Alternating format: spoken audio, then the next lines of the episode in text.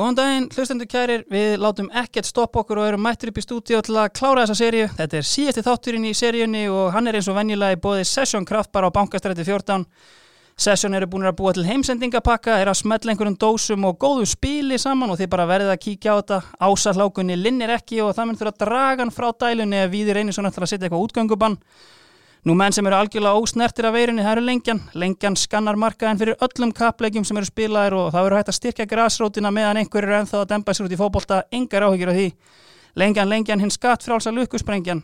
Ágóðin fesirinn að auðvitað allir til græsrótarna sem við elskum í íslenska bóltanum. Þá eru veitni í bóði OK-bón, það er nýja ára ábyrjaskýrtinni það fær í G-tekník meðferðina, mössun og auðvitað þessi hefðbunda bónun sem Óli er að veita fólki, hann getur algjörlega stífu bónaði fyrir allan peningin óendanlegur kraftur í framhandlegsvöðunum Óli Kongur, Óka Bón. Og þá eru við síðan Up og Biko á sínum stað, þeir fari ekki neitt, það er bara svo leiðis, þeir eru okkar eina von í þessu og talandum von. Viðmælandi þáttarins er einn ástsælasti dægulagasmiðu þjóðarinnar en hann hefur einsett sér að takmarka algjörlega útgáfur bjelliða í íslenski tónlist og semur engangu hits. Það er þó ekki hans eina ástriða því hann á skemmtilegan fyrirlega baki sem knatsbytumar á Íslandi Ungur árum var hann stór og sterkur og gæti sér gott orði yngri landsliðum Íslands en í setni tíð var tónlistin kannski ofan á en hún tók stó að fara með uppeldisfélagsinu Selfossi í fyrsta skipti í sögunu upp í efstu deild árið 2010 og fóð hann aftur með liðin í Pepsi-deildina 2012. Hann er þekktu fyrir miklar hreinskilni og tæpitungulöst tal og því ekki til betri staðu fyrir hann til að gera upp besta lið selfisinga og fara yfir eitt mesta blóma skeið í sögu félagsins en þó kannski með dassa eftir sjá á vonbriðum. Hann var besti varnamæður sjálfmótsins árið 1996 og vandi gullveluna í landsbankarlaupi FRI í flokki 13-14 ára árið 2000 en hefur margsinist tekið fram að hann hefur enga stjórn á veðrinu. Góði gestir, The Weather God, Ingólu Þórarensson.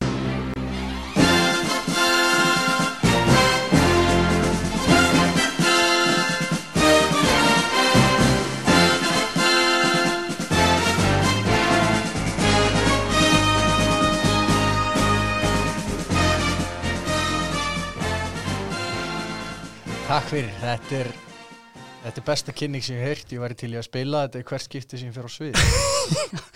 ég meina, hvað er svona fyrst í standa upp úr hérna? Er það landsbankarlaupið það? Það kom mér óvart, svo finnst mér verið aldrei þreyttur að minnast á sjálfmóti þegar ég nefndi að spila vörd, sko, og hann besti varnamæðurinn. Einmitt. Albert Brynjar Ingarsson var alveg besti leikmaðurinn. Já, mikið tónlast einmitt á því að hann hefði verið svonur Ingabjörns Albertssonar á þessum tíma, sko. Já. En einmitt, þetta var einmitt, hérna, hvernig gekk ykkur á þessu sjálfmóti? Voruð þið með sterk um, yngri flokka? Nei, okkur gekk ekkit svo vel. Okkur, við fórum nú í undan og slitt árið áður þegar ég voru yngra ári. Já, En þetta ár gekk ekkit sérstaklega vel, en það held ég, hérna, það svona verið erfitt að velja mig ef ég hefði verið besti leikmaður á sjálfmótunum. Við lendi í 17. seti og leikmaður mótsins, það er skrítið. En það er einmitt aðtengisvert sko að einmitt lendi í 17. seti og þú ert samt þarna besti varnamæðurinn. Hvað, hvað var svona að skila þessu heldur? Ég, sko, satt að segja var ég, held ég hafi nú toppað bara fótballtaferilinn svona 5., 7. og 7. flokki, sko, þá var ég svakalega góður Já, og hérna, ég held að, sko, já, þeir hafi svona séð að ég var alveg svakalega góður og svo móti og svona og var svolítið að bera liðið og herðu mér og hérna hafi svona hálfpartin, herðu, auðmikið þessi maður, þeir tapa svolítið mikið en hann er helviti góður, þannig að ég letu mig fá eina dollu svona bara í sárabæti fyrir mótið, sko. já, mjög gott. Herði, hérna, uh, ég meina við erum, boði, við erum í bóði Session Kraft bara eins og ég kom inn á áðan. Uh, svona kannski uh, sérstaklega tímanum í Selfossi. Hver er svona, ég meina, margir staðir en hver var svona go-to pubin hjá knastmyndilegi Selfoss alltaf að fara á í móralskana eftir góðan sigurleik?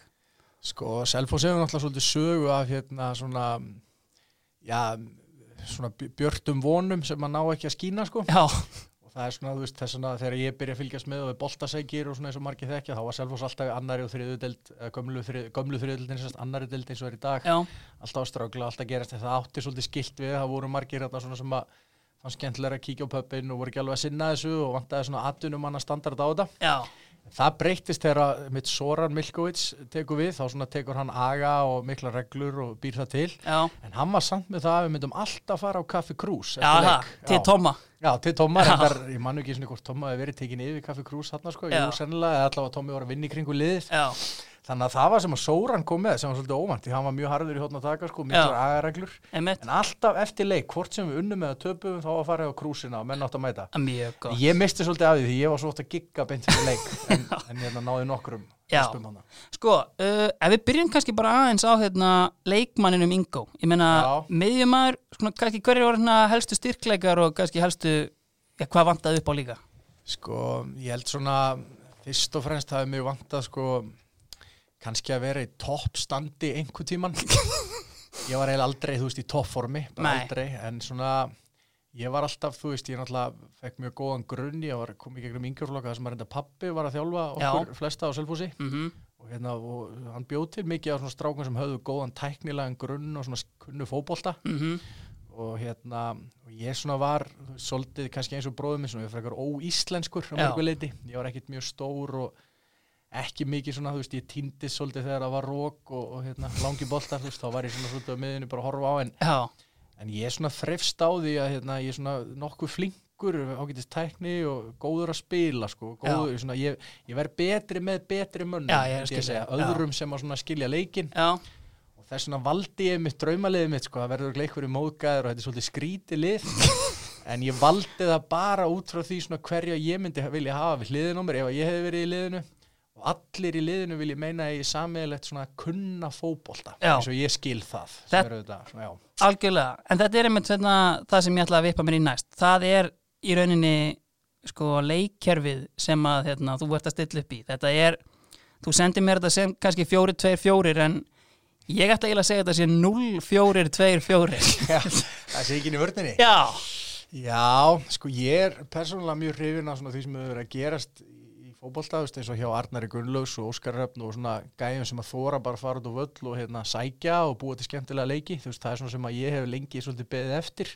og það er kannski það sem að, ég meina, þú varst ákveðin frumkvöld á sínum tíma í Hamri þegar þú varst að implementa Já, þessi fræði. Ég var, þú veist, já, einmitt, sko, ég eiginlega hætti bara í fótbolta mjög snemma til að geta prófað þetta Já, og hérna, veist, já, ég, eins og með Hamar, þú veist, ég var bara að laði alla áherslu á þetta, spila út frá markmanni og mm, prófa að sækja og var að leggja áherslu á flinka stráka sem höfðu kannski svona ákveðin fótboltageði já, En eins og ég svo sem alveg sagt, þá rækjum ég svona eins og vegg með það að karakter þetta skiptir mjög mjög máli. Ég held kannski oft, þú veist, í gegnum ferilinn þegar ég sá flinka stráka koma sem að náðu ekki gegna, það væri bara því að þá vantaði fleiri í kringu sem, sem hugsuðu eins. ég skil þig. En þá var það kannski oft líka sem ég glemta þess þegar ég var síðan sjálfur þjóðlega, var kannski líka spurning um, þú veist, karakter, hvað nefndu menn að leggja á sig og Já. búa til lið, liðsanda, svona Já. aðrir sálfræðilegi hlutir. Mm En það hefur alltaf verið, þú veist, draumurum minn og kannski líka af því að ég var átti ekkit svo langan feril eða svona veist, og er, er samt alltaf í fótbolta líka við ennþá og finnst alltaf gaman í fótbolta en veist, fyrir mér er alltaf skemmtilegast sko bara í fótbolta með öðrum sem eru nokkuð flinkir Algjörlega.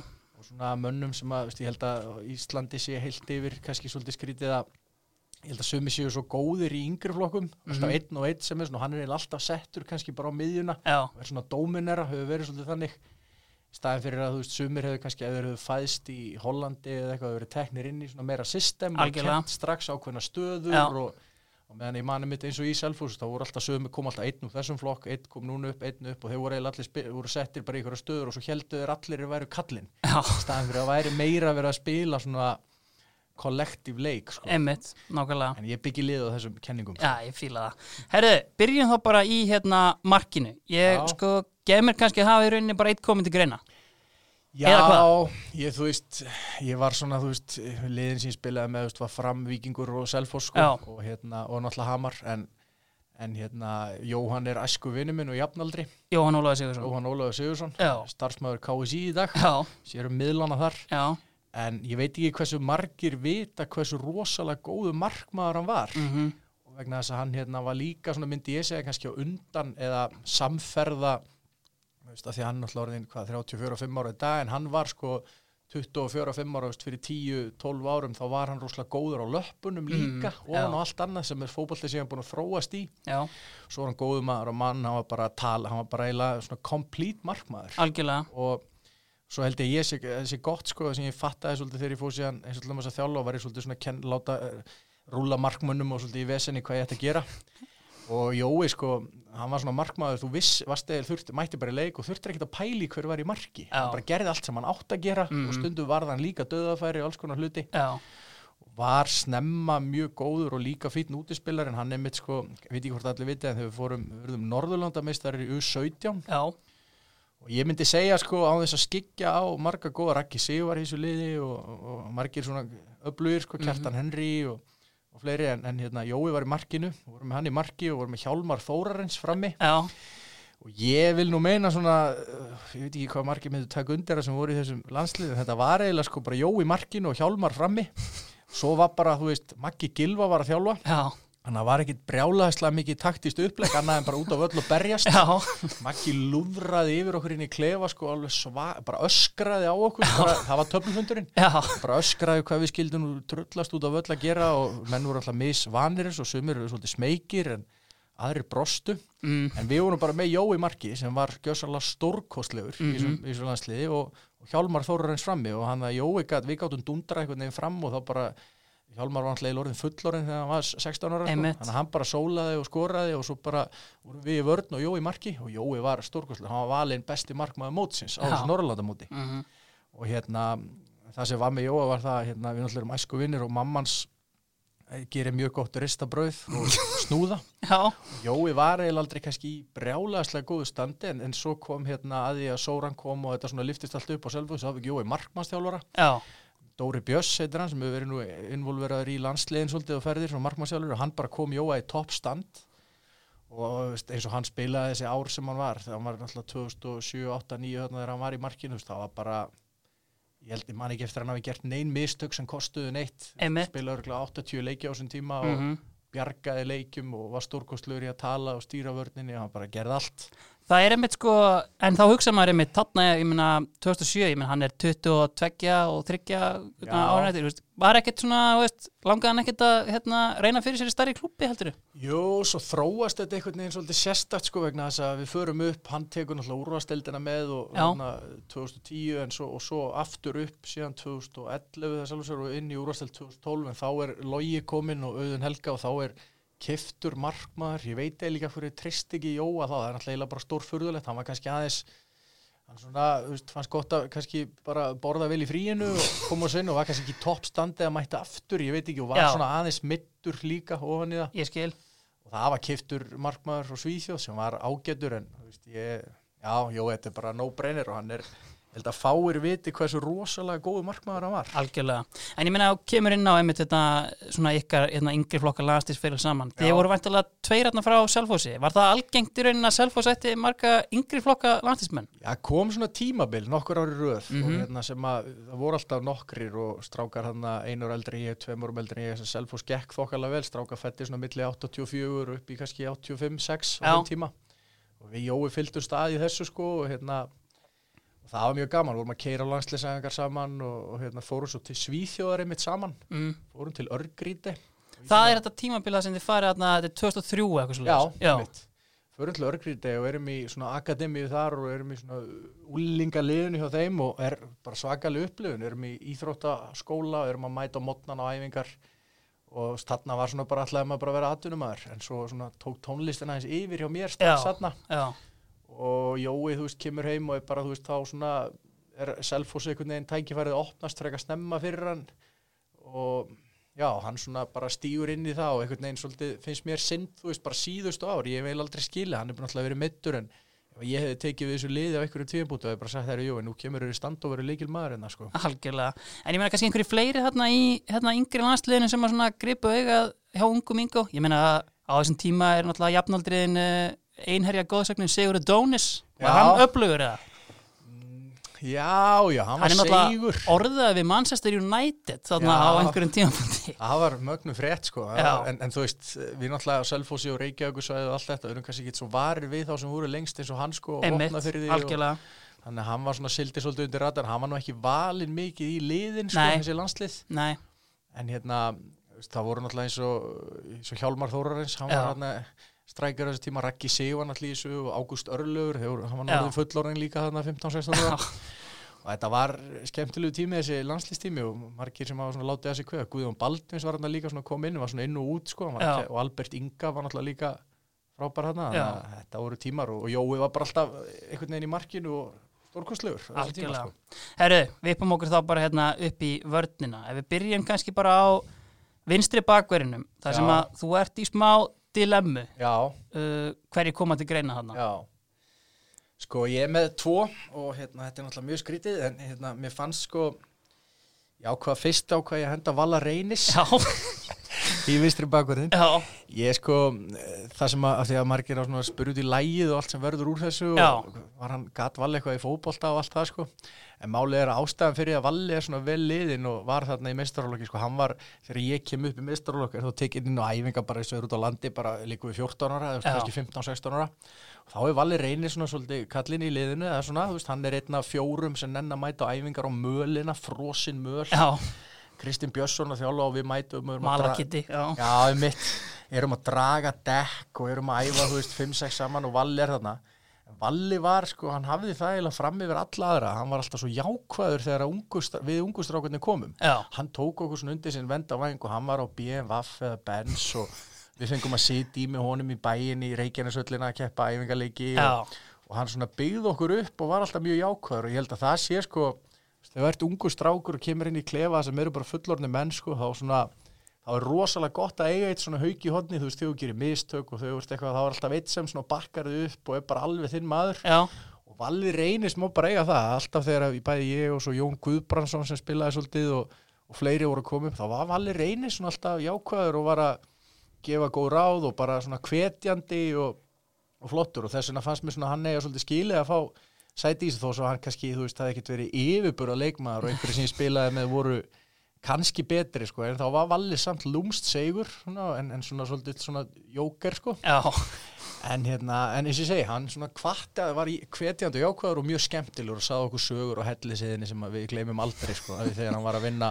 Óla Adolfs og Skaganum í nýji og, og allar í Ungfuru Ísland voru alltaf að reyna við hann og það var svo mikið vesen á því sko, slóðust um hann og þannig að við, þetta var veistla. algjörlega En hver er þá hinn líka sem að þú ert að melta þarna í bakverðinum? Sko ég var að hugsa nefnilega því að hérna, eftir að hafa spilað með Sævar í Gísla ár eftir ár eftir ár eftir ár Já. og, hérna, og Sævar Gísla var náttúrulega kemur á veist, þegar á að rífið upp þarna 2006-2007 á sama tíma og ég kem heim og, og Jón Guðbrandsson og fleiri svona selfisingar sem Já. var mjög stert og, og Sævar sko náttúrulega var lang stærstur af öllum sko. Og Sævar var eiginlega alltaf á þessum tíma þú veist svolítið svona stærri en kannski liðið þú veist að mörgu leiti, hann var bara fans favorite skoraði alltaf endalast á mörgum Mhm. Ótrúlegu framherri Mm og hérna svo var hann alltaf, alltaf valinn besti leikmaður og markaðistur, ég held að hann hefði nú valið það svolítið sjálfur á lokahófinu, hann sagði bara hver ætti að vera. það og hann stjórnaði öllum fjáröflunum og hann var bara, hann var bara maðurinn sko. Mætti hann bara einmitt að því hann er alltaf búin að eiga veist, hann er bara proper, eftirdelda hann og ég meina, en hann mætti samt bara með fullt af passjónu fyrir klúbbin og heldur betur og bara Sævar er veist, hann er svona, ég myndi segja hann væri svona umdeldur karakter einhvern veginn, en hann er frábær karakter að hafa í liða, því að svo að lokum, þú veist, þá viltu frekar hafa menn sem gustar af þegar þú ætlar að ná okkur um árangri Já. og annarkvort ferða bara til helvitis eða gengur frábærlega og með Sævar hann, þú veist hann var aldrei hrættur sama hverja veist, sem að vantaði svolítið í selfos og vantaði kannski sögulega, hann var alveg sama hverjum við varum að mæta, hann var ekkit smeykur við neitt og Já.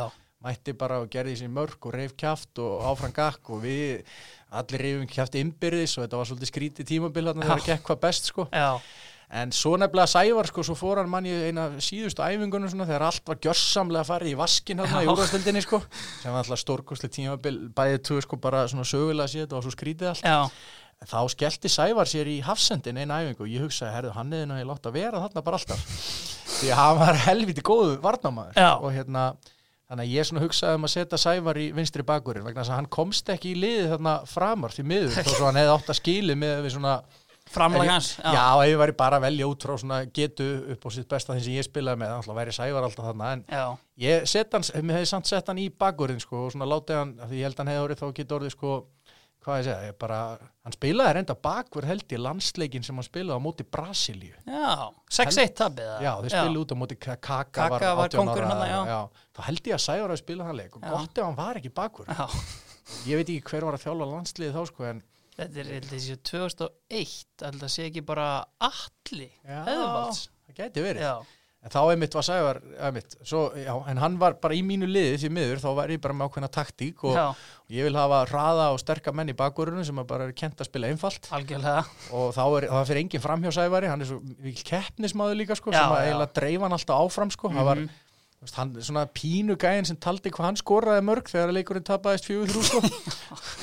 En, en geggjaðu náungi og ég myndi alltaf vilja hafa hann í liðinu en því miður þá verður hann að setja sig við vinstri bakvörinn og verður bara að fylgja þeirri stöð og ég kenn honum á hvernig hann á að gefa sem við komum síðar að. Fínt, herri, en ég við förum það kannski bara í svona uppvakstar árin þín á Selfossi sem kannski svona þú veist, fyrir mér er Selfoss alltaf handbóltabær er það rámt metið hjá mér eða? Um, nei, það kemur náttúrulega uppgangur í handbóltanu þegar mjálta Siggi Sveins Já, og allar einmitt. kempur eru þá verður svolítið meðbyr Mhm. með handbólta og hérna sem hefur séðan kannski aldrei hætt alveg Nei, en við náðum þó fótboltinn tók svona held ég frekar yfir hérna á smá tímabili en ég held að því miður hafi það sem að varð selfos að falli hafi verið það að, að skorti hefð og sögu já, og til dæmis þegar að logi var með liðið 2012 koma hann og auðun Helga og þjóla og ég held að bæði hjá Loga og stjórninni og svona fleirum í kringum þetta hafi verið alltaf markmið að bara vonandi höldum við liðinu uppi.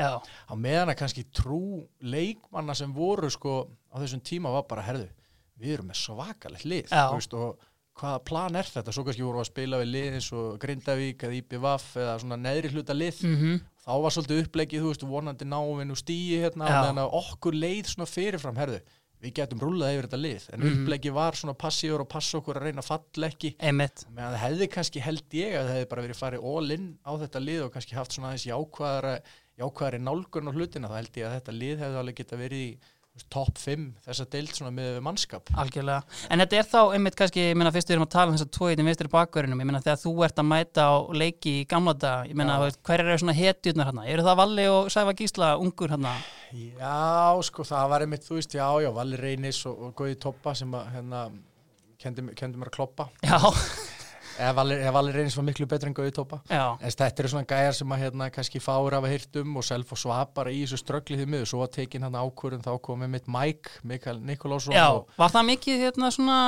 farsælt skref fyrir hérna íþróttadeldina hann á Selfossi? það var, þú veist, ég, sko ég geðum alveg, ég held að Antoni Karl Gregori hafi komið líka og svo Mm. gott er Fjölnir Þorges, hann var komin á miðuna, bara á tímabili og það er bara ekkit grín. Veist, þetta var svolítið svona, nú við ólinn og það komið alltaf júkar og, og, þú veist, og það voru mörg lið sem voru náttúrulega bara eiginlega algjör katastrófa að Selfoss hafa aldrei klárað þetta en þeir voru fastir í annari dild Já. bara ég veit ekki hvað lengi. Einmitt, og maður var boltasækir og maður var í fymta flokk og fjóra flokk og fara á völlin og alltaf að vona sko. Nú myndi eitthvað gerast. Mhm, en uh, veist, þetta var svona sorgarsaga og þú veist, jú, jú, það voru maður átti sínar hetjur þarna en, en þeir svona brúðus svolítið okkur ungustrákunum sko. Herðu, færum okkur þá bara yfir í hægri bakverðin. já, Hvað hérna, eitt sem kom til greina þar bara? Já, ég er svona þurft, það er kannski má segja Sæfa Gísla og, og þessi aðili hafi báðir sko ekki komist inn í prógrami sem ég er að setja upp Já, en ég varði eiginlega að setja á í liði sko svona út af mörgum ástæðum og, hérna, og þannig að ég eh, sett Jóndaða í hæri bakkurinn Já, Jóndaði sko hérna, náttúrulega ég þekktur í dag sem svona dugnaða forkur hérna í Íslandska Já. landsliðinu. Já, já. Mín minning af Jónidaða, bara þegar hann var að spila hérna heima, hann var bara high flying winger og bara teknískur og flottur. Já, akkurat, já, já Jóndaði sko, þú veist, hann er svona ólíkinda tól Já. sko, og var það alltaf veist, og hérna kemur upp sko, er kannski, þú veist um, ég veit ekki, svona kannski aðeins á mörgu leiti, einhvern tímann í svona skugganum að gumma bróður, veist, að mörgu leiti þú veist, að því gummi var svona algjör barnastjarnar að mörgu leiti sko, menn að Jóndaði var svona þú veist, rosa seigur. Ég myndi segja seigur, þetta er lýsunum best. Algjörlega. En svo veit maður aldrei sko, af því að þú veist, Jóndaði hefur náttúrulega verið þekktastu kannski í sínu leik fyrir bara að vera duglur, hjálpa liðinu, verjast, sína af sér góðan anda, liðsanda, sérstaklega náttúrulega með landsliðinu. Einmitt. Og hérna, en á Selfossi, þú veist, var hann svolítið svona, allt í hennu var komið upp í hendurnar og honum var svona star player, Já. einhvern veginn, 2012 Einmitt. sérstaklega hjá Loga. Líka þegar einmitt eftir að gummi fer kannski. Já, einmitt sko, og einmitt, og svona mikil trú á Jónitaða, þú veist, ég held að, satt að segja, held ég að henda ekkit endilega svona hans karakter að vera eitthvað svona star player. Og talismann, já. Já, þú veist, og honum held ég fannst það heldur ekkit endilega eitthvað gott sjálfum sko á þessum Nei. tíma, hann var ekkit svona endilega svona einhver alfa í klefanum og var Nei. gerður ofta fyrirliða kannski svona eitthvað sem hefði ekkit endilega átt að vera gert sko, Mm þú veist, frekar er hann svona gæi sem bara, þú veist, eh, líður best þegar hann getur bara unnið svolítið í sínu og verið veist, svona þögull Já, og svona humble gæi sko, en um leið og hann var gerður svona star player, þá held ég að þú veist yfir það tímabil, sérstaklega í úrstöðum 2012 hafa hann kannski ekki endilega átt sitt besta tímabil að mörgu leiti Nei, en þrátt fyrir að hafa alltaf þetta rosalega potensial þá bara sett svolítið mikil ábyrð á hann svona ungan strák einhvern veginn sem að var aldrei vanur í að vera kallinn sko. já, já, og hérna og svo náttúrulega hefur Júnda þessa óbáslegu svona natural íþróttamennsku sem ég myndi segja að væri bara svona jafnvel hans helsti styrkur og, og þegar hann er á kerður áfram á adrenalínu í landsleikjum sko, þá er hann bara illviðráðanlegur og hefur svona X-faktor bara getur gert alls konar hluti eiginlega óvart Mhm. og stundum var það þannig maður svona hann gerði bara eitthvað sem hann líka eins og maður held allan að gera þetta ekki sko, boltinn lá í netinu og Já, ég man nefndi eftir einhverju marki hvort það var móti káer þar sem hann bara einhvern veginn tekur hann innan fótar á lofti bara upp í samskeitin volley, sko, þetta var alveg stór fyrirlegt oft sem hann náði að gera sko, Já. og, hérna, en þú veist, eins og ég segi sko, stundum pælum maður í því, af því að svo snemma skilur er hann bara, herri, það er bara hann og gummi þeir eru einu tveir sem að ver, er að fara að verða eitthvað hérna þannig Já. að þeir eru settir bara, veist, í stöður þar sem Mhm. að, þú veist, bara þeir eru það góðir að þú ert bara í öðrum flokki, þú ert bara á miðjunni og hérna, hérna, sko, en þú veist, maður hugsa, ég oft hugsa skilur með marga leikmenn hérna á Íslandi, þú veist, hvar hefur þeir endað þeir hefur verið spottaðir segjum í Hollandi eða þú veist, svona, með svona fótbolta hugsun kannski lengra aftur í flokka og reynd, þú veist, það sem þú ferð fyrr í einhverja stöðu og æfir hana. Mhm. Og ég var bara, þú veist, eins og með skrokkin á Jónidaða, hann er hraða, þú veist, hann kannski er, þú veist, hann er ekkit endilega svona kreatífu leikmaður, þú Nei. veist, að mörgu leiti, þú veist, hann er meira svona bara sprinter Já, já. Og, svona já. og góðu vörnal og er svona ábyrgur náungi og, og þannig að ég hugsaði oft, þú veist, hvað ef hann hefði bara verið, þú veist, tekin, þú veist, inn í starra konsept gerður að hægri bakverð eitthvað, þannig að ég set hann í hægri bakverðin sem er hrikalegt, en þú veist, það er bara því ég er að stilla upp svona sérstöku liði Já, já, algjörlega, það er klárt Herðu. Uh, hafsendandir Já. uh, Við erum kannski með svona 2-3 á blaði uh, Þú mátt bara ráða hérna á hverju nú byrjar hérna Já, ég er náttúrulega að byrja á að setja Jón Guðbrandsson. Hann er svona líka æsku félagi minn, þú veist, og Jón er, uh, gat, hann spilaði allar stöður á ferlinum sem að svona kannski var ekki alveg nóg gott fyrir hann, Nei, nei. sem margir þekkja. mm Og Jón Guðbrandsson er náttúrulega svona, hann er svona fans favorite. Er það ekki? Já, Club var- Legend Já, Club Legend, sungin lögumann og hann náttúrulega, ég veist, gerði ekkert lítið úr í þú sett hann tímann í skeitinu mútið Já, stjórnunni og stóð á miðjunni alveg heil lengi sko, lifti svona höndunum upp eins og hann væri slatan sko. Samt voru við í 11. sæti sko og hann var komið með tvö mörk í tóleikjum sko. En hérna hann svona hann Jón Guðbrandsson, en Jón er svona gæi sko sem að ég held að sé stundu svolítið vannmetið í bara fótbolta almennt, hann hérna svona gerir bara það sem hann ræður við oftast sko, svo hann sé mjög roggin með sig og þá hafði hann samt vita á því hvort sem hann var að miðju eða í vörn, að þá var hann bara í vörn. Ekkert að flaggi bara þetta? neini, bara mm. gaf á næsta mann eins og varnamenn eiga oftast að gera. Mm og hérna, og bara frábær karakter í hóp, þú veist, hann var alltaf til í að hann var alltaf í stöðu nægi og rífandi kjaft og svo lendi hann í slagsmálum og æfingu og voru allir út í vinir og, og svona, veist, gæði sem þú vilt taka með þér í stríð, sko, og samt kunni fótbolta, hann hefur Mhm. svona þessa blöndu sem er eftirsóknarverð, sko. Mjög hérna, mikilvægt vantalega í þessu leikeri sem þú ert að vinna með hérna, að hafa einmitt, þarna komin inn á karakterinn sem kannski vantaði í hamri. Já, svolítið Já. þannig sko. Mhm. Jón er akkurat ságæði, aldrei smeykur, hvort sem við erum að spila við KR eða veginn og það er svolítið sjálfgeft í svona þessu eins og ég var að segja á hann með Selfoss í gegnum árin þú veist, við erum bara ekkert vanir í að spila við stóru liðin. Já, ég held að það sé það sem að hefur verið að koma upp í handbóltanum sem er frábært, það er svona Mhm. eitt svona titill gefur svo mikið sjálfströst inn í ungu krakkana og samfélagið.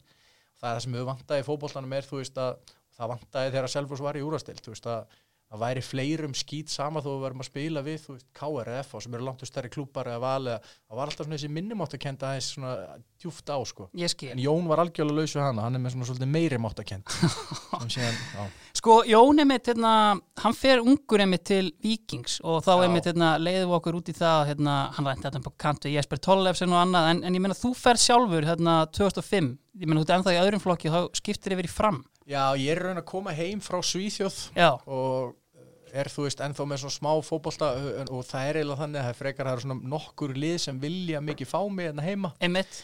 Og ég hitti Óla Kristján sem er þá að þjálfa fram og hann vill mjög mikið fá mig og svona selur mér hugmyndina og ég stekka á það.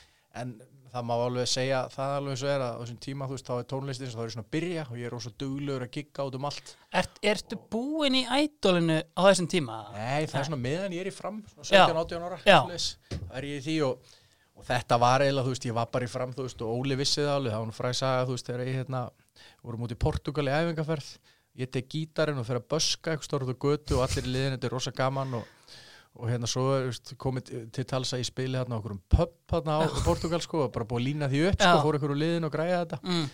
og Óli spyr bara æfingu daginn eftir herrstraka, svo er svona plan hérna, Ingo, kemst þú æfingu síðan annað kvöld? Eða setnipartin, þú veist, þá var þetta orðið svona og Óli var nú, ég held að hann á alveg vita á þessum tíma, ég var eiginlega bara, þú veist, í fótbolta bara svona, þú veist, til að vera með veist, ég, var, þarna, þarna var ég eiginlega hættur í fótbolta þó ég, í skil. fram Já, en þú einmitt, þetta er einmitt hérna, að talað um hérna, valfylki og IBVF hittir þessi liðið það?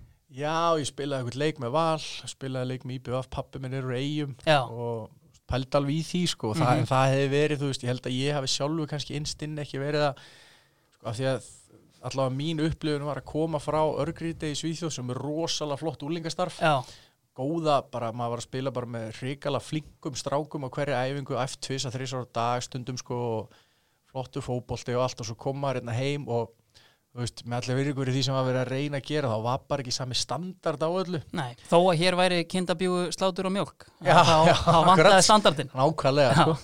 Og hérna, þú veist, já, þá svona bara var ég aðeins afhuga þessu, þú veist. Ég held að ef ég hefði alltaf að fara álinni í fótbolta hefði ég bara, það bauðst mér að vera eftir í örgríti og gera svona aðeins meiri alvöru samning kannski svona hálf atvinnumanna samning Já, en fyrst ég kom heim þá held ég að það hafi verið svona valið út á svona tónlistabröðnina og, Já, og það sko einmitt. þannig að ég var í fram svona með vinstri já, svolítið. en þetta með þú spilar ekkert þarna tímabilið 2005 uh, Ertu meittur eða bara Já, svo er ég það nú líka sko, svo meiðist ég reyndar svolítið illa ég spila, reyndar hjá Óla þá var hann með mig bara í byrjunarliðinu og ég spilaði eiginlega alla leiki á undirbúinstíðanbylinu Já, en svo held ég hafi nú bara meðist mjög illa okkur að leika móti stjörnunu og fór ykkur sjúkarabíl og sem var bara tvær vikur í mótið. Og Já. mögulega hefði ég þá kannski hefði þetta þróast öðruvís hefði ég byrjað mótið en þá gaf það mér náttúrulega bara að vera off í 2-3 mánuð alveg og sem er alltaf bara veist, heilt tímabilið og er þá meira, þá meira brúti að gigga og svona. Mhm. Og svona já, þetta þróast einhvern veginn þannig að mér bara er orðið alveg sam um það sko, og er bara meira að gigga sko. En þú hefði spilað síðan alveg hérna, einhverja úst, tæpa tíu leiki eitthvað svoleiðis hérna, þegar Áskeri Eliasson heitinn tekur við þegar Já. fram er í fyrstu dildinni já, einmitt. Hvernig var að vera hjá Áskeri? það var skemmtilegt sko, það var svona fram á þessum tíma er rosa sérstökum fasa fram var svona alltaf stórveldi alltaf alu bleikmenn þarna var svona einhvern veginn upphafið að koma mikið af útlendingum rosaleg leikmann að velta Já, og hérna maður fann alveg fyrir því en Ásker var, þú veist, ég fann alveg að hann hafði mjög mikla trú á mér sem er Já. fannst rosalega gaman sko, Einmitt. þegar hann var svona fótbolta þengjandi algjörlega og var svona svolítið íta mér úti sko, herðu, nú verður þú fótboltamaður sko, Já. það er ekki í þessu giggi að þetta er alltaf, ég var bara að mæta skilur æfingar, ég alltaf var ekki að drekka eða þannig en just, ég var að gigga til fjögur, fimm á modnana út í bæ út um allt, sko, mætti svo bara níu, tíu á modnan upp í framheimili alveg döð lúin og aldrei með heilan í þessu Nei, En Ásker hafði svona trúið mér alltaf að reyna að íta mér svona úti, þú veist, gefa mér fullt að sjensum einhvern veginn sem að ég náttúrulega greip aldrei að því ég bara var ekki þar, sko. Nei, nákvæmlega. Já Herru, uh, hver er þá með Jóni Guðbrands í hafsendinum?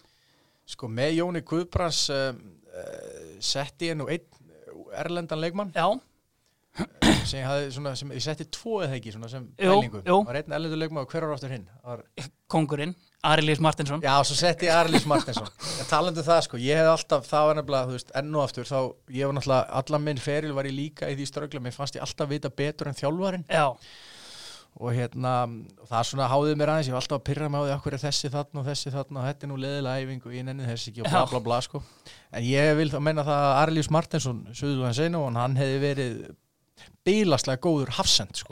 ég er á því að hann hefði verið hans stað hann var oft á miðunni og því að hann hafði svona alla eiginleika en ég setti hann svona bara í hafsendin bara upp á svona að því ég vil spila þannig leik sko. Einmitt. hann er rosa góður í fótbolta, hann góða leikskilning og yfirsýn, lúmst svona sterkur í loftinu og svona staðsetningar og svona, ég hef bara alltaf haft hann hafsend. Og síðan röltir hann bara upp og setur aukarspilnunar í samskiptin? Já, geti tekið auka og bara svona ég held að ef að þú veist ef að fótbolti, ef hann var ekki að koma upp þú veist á þeim tíman, ef hann verið að koma upp 20 árum setna Mhm. á öðrum stað þá hefði sannlega verið gerður öðruvísi leikmaður úr honum eiginleika, heldur en alltaf einhvern veginn hann var bara frá stokkseri, Já. langbesti gæinn þú veist, kemur og er besti gæinn kannski í sínum árgangi, eða reyndar í fínum árgangi þá er hann bara settur á miðuna og bara látið hann gera allt. Já, og meðan að þú veist, hann hefði rosalega gæða eiginleika sem hefði kannski verið hægt að nýta meira. Já. En ég mitt sko, þú veist hann er Suðurlandsins eina von og ég veist, þetta er sko, hann flytur lengst út á land. Þetta er tálknafjörður, það ekki, Jó, og ég meina, ég er sko að spila mótunum í lengjubikarnum 2017 í skýta kulda þar sem að hann er að koma frá tálknafjörði í bæinn til að Já. spila með stokkseri í sétildinu Já, já. þannig að þetta er, sko, ég liðist útfullað sóknamönnum, það einfallega verður að hafa eitt stál til að verja markmannin fyrir orrarhið sóknamanna uh, Síkó í leikli aukum sveitum selfórsplantarn í samskeitin og yðnamaður liðsins uh, hjá Ingo Veðguði Bói Bíkó er að sjálfsögðu Arilíus Martinsson Já, hann fæði það Er það ekki? Jú, en já. síðan ertu með hérna á blaði uh, Juan Povedano Já, það er hérna sko af því að þú veist, hafandi spila með Selfoss þessi ár sem að þú veist ég, hugsa, ég veit ekki hvað voru margir útlendingar sem annarkvort kom á æfingu eða gerðu samning en þeir voru örgulega 20 eða Já, fleiri já. sko, og þetta þarna hjá Loga þetta var náttúrulega orðið svolítið skrítið sko, Já. það var bara nýr útlendingur ég held að það var bara opnar æfingar sko, það var bara nýr útlendingur í hverju viku Já, en svo kom þessi síðan 2013 sem Já. síðan spilaði með Selfoss og hérna mjög gamall og meittur komu tveir spánverjar og mínum að þetta var annar stórkostlegur en hinn ekki góður þó að hinn hefði skorað mikið af mörgum sko, en Mhm. mér fannst hann ekki góður. En, en þessi var bara rétt rúmlega stórkostlegur og hann hefði verið sko, þetta var svona gæði sem var bara allt, allt öðrum standard. Og þetta er svo skrítið hvernig þetta er á Íslandi bara almennt, þú veist, þú menn tala oft um útlendinga lottó, en Já. mér finnst það alltaf skrítið því, mér finnst nú að menn ættu bara að kynna sér almennilega hverju þeir eru að fá, sko, áður en þeir bara láta eitthvað skrif undir, sko aldrei skilja þetta útlendingalotto og hefnir og ofnir, bara sendið bara gæjan heim sko og fáið nýjan eða það er til miljón einmitt. Og þetta var ei, þú veist, svona eitt af þessum skiptum sem ég hugsaði, vá, af hverju höfum við ekki alltaf fengið eitt svona gæja eða þrjá svona í staðin að rúinn alls konar mönnum?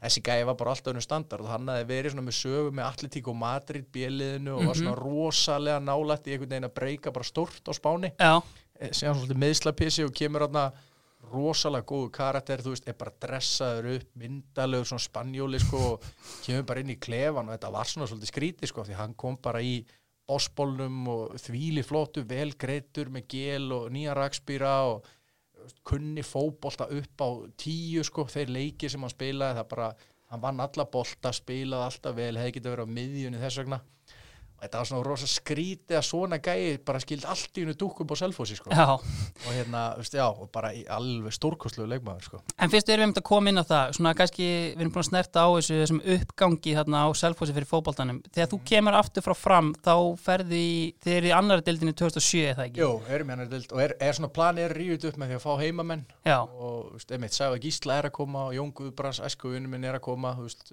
Jói er klári í markið og veist, Mhm. að þetta gæti alla vorið gaman, þarna er ég eiginlega hættur í fótbolta, já, má segja, þó ég sé fram og eitthvað svona aðeins og þá bara er ég svona algjörlega ekki að nenni þessu, en þarna kom svona bara smá kvartning hjá mér til að, að ég get allavega hjálpa núna æsku klubnum, kemur í svona smá stand já. fyrst að þessir eru allir komnir og þá fannst mér aftur svolítið gaman í fótbolta sko. Þetta er einmitt þessi tímabil 2007 til 2008, þar sem að Já. Soran tekur við Já. liðinu og kannski hann svona, veist, setur þetta upp á næsta level. Já, já, ég meina, ég held að flestir sem að ver, voru þannig kring eins og þeirra Sóran kemur, þú veist, það var endar sko, við erum með sko, þetta er náttúrulega stór, við erum með rosa gott lið fyrir mót 2007, annar dild og bara allir heyra að fara að rulla þessu upp, sko. Mm við mannum fórum á höfn í hotna fyrir því að spila við Sindra í fyrsta leik. Já, og hérna Sæfa Gísla náttúrulega alltaf ég fáránlegur, sko, hann var að kenna okkur hvernig við ættum að fagna þegar við myndum skora, þú veist, uppbytunum fór bara í það, strákar, svo seti hann þá komið og eldi mig, hoppi hérna og bla bla bla, sko, svo alltaf töpum við leik, við hættum eitt og lundir og sindri pakki vörn. Já, og þetta var þingsta bíl, það því þú veist, við unnum held ég sindra 9-0 eða eitthvað bara stutt á undan, bara í Já. leikjum við vorum bara að plana þögnin og hvernig við myndum gera þetta. Og töpum við og hérna og gengur ekki eins vel í byrjun eins og ætla var og, og, og þá er Soran ráðinn inn já, það byrjaði einhver annar með liðið. Já, Einar, Einar Jónsson sem er svona Einar Djóni sem er svolítið svona mikill selfisingur í gegnum tíðin og hann var að gera allt sitt sko og bara fýtt fótbolta hugsugur og bara fýtt þjálfari, svona flottu kall. Já, en sko það sem að Soran kom með var bara þessi bylting sem klubburinn þurfti. Já, og til að gera þetta bara að fótboltafélagi þú veist, Mhm. það var ennþá þannig, veist, við mættum í leiki, þú veist, bara í gallaböksunum og leðuekkanum og þessu og þessu og það voru engar sérstakar reglur um einni, neitt, engir æfingasett Nei. maður mætti bara í Arsenal-búrunum eftir einhvern leik og hvað sem er, sko. Já, og svo er hann kemur bara, herðu, hvað er að gerast þetta? Við þurfum þú veist, 20 bolta, við notum ekki þessa bolta herðu, hvað er ekki, æfingagallar? Hvað er að gerast? Er ekki matur hérna fyrir leik? Og byrju, herðu, við erum að fara í rútu, herðu, allir í rútuna, sko. Þetta var bara svona, herru, Gunni,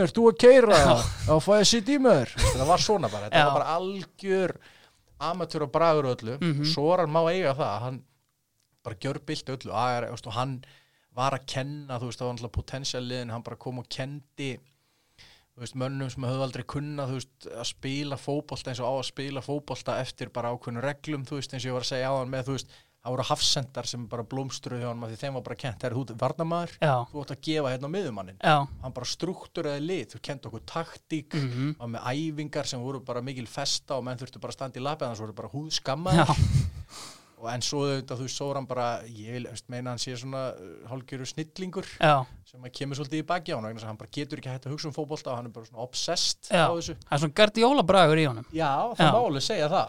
og, hérna, og það sem hann var að segja, það sem hann var að kenna veist, mjög mikil þekking á öllu og hafði bara rétt fyrir sig með allt en bara þessi brjálaðislega geðveiki þegar koma að þessum en bara skilur höndluðu það ekki alveg í kringum þetta og því miður en ég held að þú veist, ég veit nú ekki, ég hitt hann nú um daginn íla, við höfum alltaf verið fínu vinir sko, já, ég er svona veist, var svona í hans, þú veist, hann fílaði mig og ég svona gæti alltaf að tala við hann mhm, og í róliheitum og sérstaklega í setni tíð en hérna ég held að fyrir klubba sko, veist, að skoða að fá hann inn eða þú hefur pláss fyrir alvöru mann inn í klubbi þá er Soran fullkomun að mörgu leiti sérstaklega hann er kannski hafður í aðeins auka hlutverki sko. já, já, einmitt en þetta er einmitt þarna tímabilið 2008 síðan þegar þeir eru komnir upp í fyrsta deildina og þið Já. eru náttúrulega bara grátlega nálægt í að fara í bara back to back promotions Já, það er bara engin- vítaspilna sem að Kristján Óli klúrar Já, já, akkurat og enginn átti von á því, þú veist, ég manna menn voru bara hlæjandi að Selfoss alltaf komum bara eitthvað toppar fyrstel, Já. bara í rugglinu tveim árum áður leiku við, sko Mhm.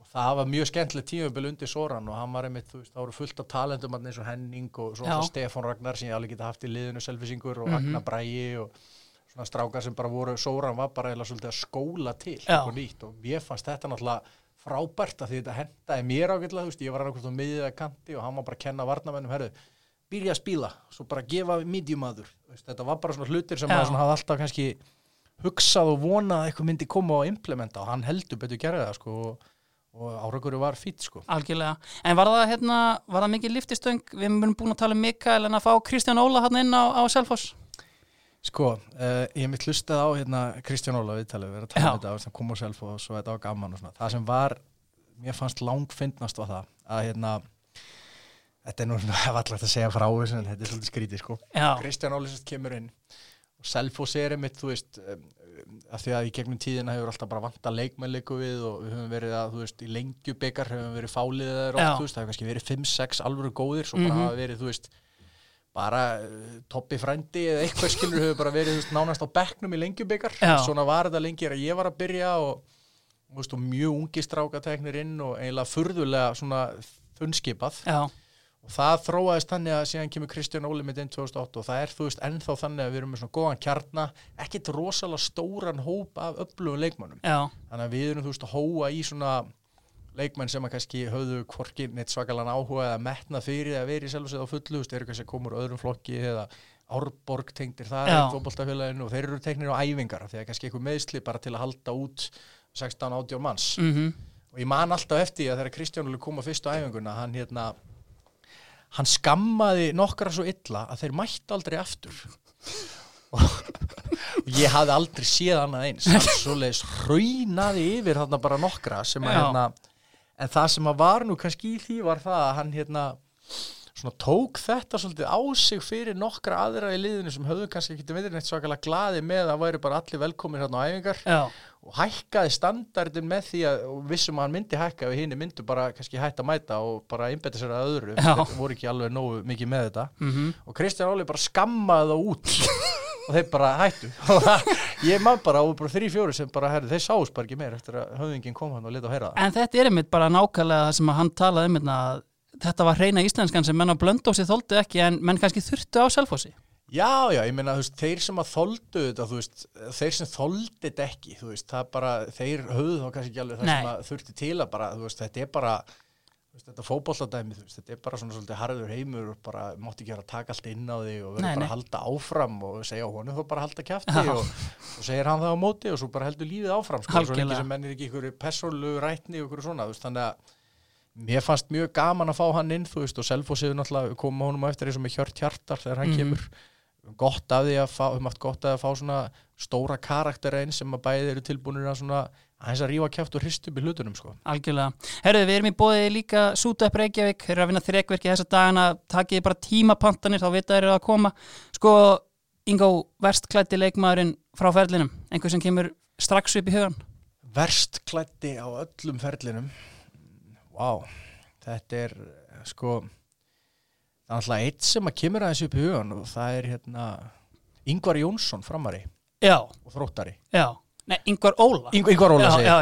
Ingvar Óla Já, hann hérna, af því hann hefði eiginlega, sko, ég hefði getað valið þetta lið á svo marga vegu, sko, hefði ég valið bara bestur sem ég spilaði með ákveðnum tíma, þá hefði ég alltaf þurft að henda yngvari hérna á miðuna, Já. hann var bara yfir bara maður og mörgu leiti, sko, í fram á sínum tíma, mm alltaf klára eitthvað, en hann mætti alltaf í einhvern veginn verkamanna gallanum, sko, órakaður, því líku topp náungi, en Já. hann var eiginlega það mikill topp náungi, hann þurfti ekki að klæða sig í bara nema það sem að var, Hendi næst já, henni næst, sko, þannig að yngvar fær þetta. Það er mjög gott Herru, við uppum okkur þá upp á miðjuna Þú mátt bara ráða á hvoru miðjumanninum þú byrjar Já, já, ég veist, svo við byrjum þá bara á uh, Gumma bróður. Já, ég miðjunni. sko Ég spilaði við Gumma fyrst þegar hann var í fymtaflokki og hann Já. var, hann var ógeðslega góður Já, en það sem strækaði mig langmest var bara svona hann var pínu lítill já, en hann var með sturlaða svona rödd, klikkaða Já. svona hljómgrunn í henni og bara svona algjör svona leiðtogi fannst mér, sem að mér finnst kannski svona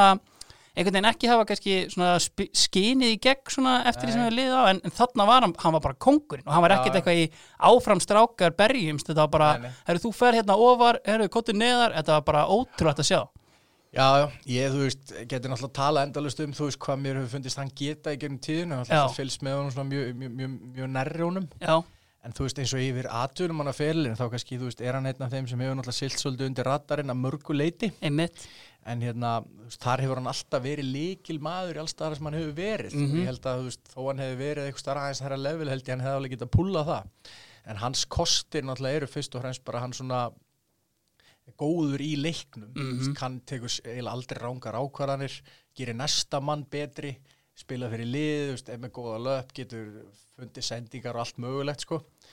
Þannig að hann er svona, veist, og ég náttúrulega spilaði með honum á sínu tíma, veist, eins og 2009 að gekk hvað best, þá var hann út á Já. á miðju stundum, stundum hann á miðju út á væng hann bara svona hefur veist, ég hef nefnilega ekki nógu oft lendi að spila með mönnum sem svona sjá pínu litla hluti í já, já. opbóðslega klárir sko. Gefa akkurat á réttum stað á réttum tíma og Já. rétta löp sem hafa þannig tækni það er alltaf bara eitthvað bara eitthvað grunnur sem þú hefur. Já, og Gummi hefur alltaf haft þetta en þú veist þegar hann er lítill emitt sko þá er hann alltaf bara svona ég veit að ég hef alltaf skipt mér endalust af hvað hann alltaf að vera að gera í gegnum tíðina sko Já. sem hann alltaf er hann svo leiður á að hálfa verið nóg sko.